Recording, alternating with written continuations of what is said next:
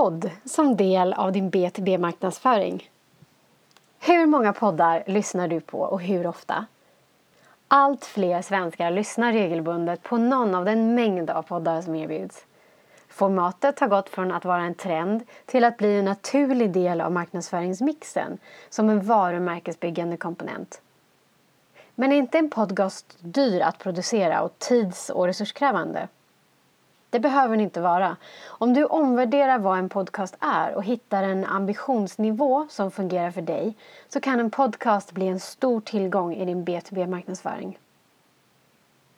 Människor tar till sig information på olika sätt.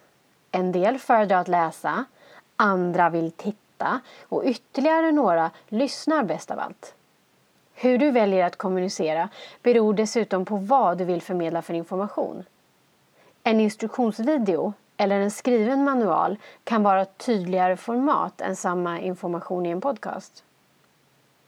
Ett poddavsnitt kan därför bli ett bra komplement. Du kan till exempel ha skrivit ett blogginlägg som är produktfokuserad medan själva podden blir ett tillfälle för dig och en gäst att fördjupa er i ett resonemang om produktutvecklingen.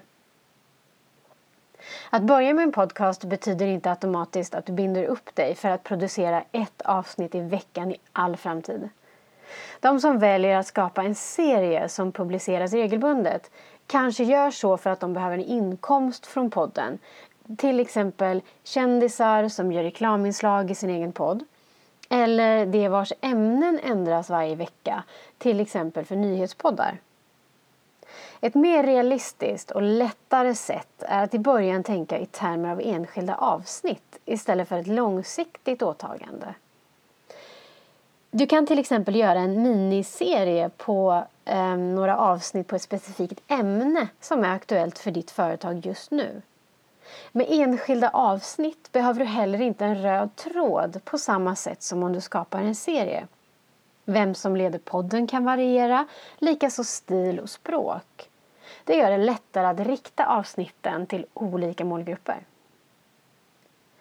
Många lyssnar på poddar på väg till eller från jobbet, alltså som privatperson och på språng. Ha det i åtanke när du producerar ditt avsnitt. Kräv inte att lyssnaren ska kunna ta till sig detaljerad information, till exempel i form av för mycket siffror. Du kan i podden hänvisa till skrivet material som du laddar upp i show notes eller som ligger på din hemsida där avsnittet hämtas. Kortare poddar har generellt högre genomlyssning eftersom lyssnaren har tid att lyssna på hela och inte missar information. Om du har ett mer komplicerat ämne som diskuteras kanske det är bättre att dela upp podden i två kortare avsnitt eller strukturera upp ett avsnitt i två tydliga delar. Att podda ihop med en profil eller expert inom er bransch kan hjälpa er stärka ditt varumärke.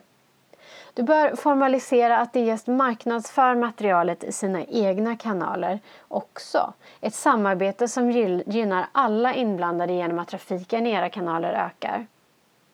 Att höra någon prata engagerat om ett ämne brukar engagera lyssnarna. Det har du kanske själv upplevt i olika situationer. Att då ta hjälp av någon som på det här sättet kan lyfta ett ämne blir en bra boost. De som lyssnar på din podd kan bli intresserade av att ha kontakt med dig eller så fördjupas en existerande lojalitet mot ditt varumärke. Vad ska du tänka på när du vill börja podda? Håll podden aktuellt. Det vill säga prata om aktuella ämnen eller hitta en vinkel som gör ämnet aktuellt.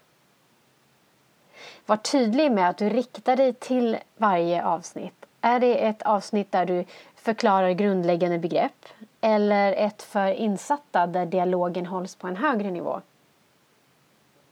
Vet du hur du ska mäta effekt? Vad är ett bra podd-KPI för dig? Kan du lösa de rent tekniska bitarna och vet du någon som kan producera? Låter det här svårt? Ta gärna kontakt med oss på Crescendo så hjälper vi dig att passa in poddformatet som del av din B2B marknadsföringsmix. Jag har mångårig erfarenhet av att producera, leda och vara gäst i poddar. Och du når mig på maria.crescendo.se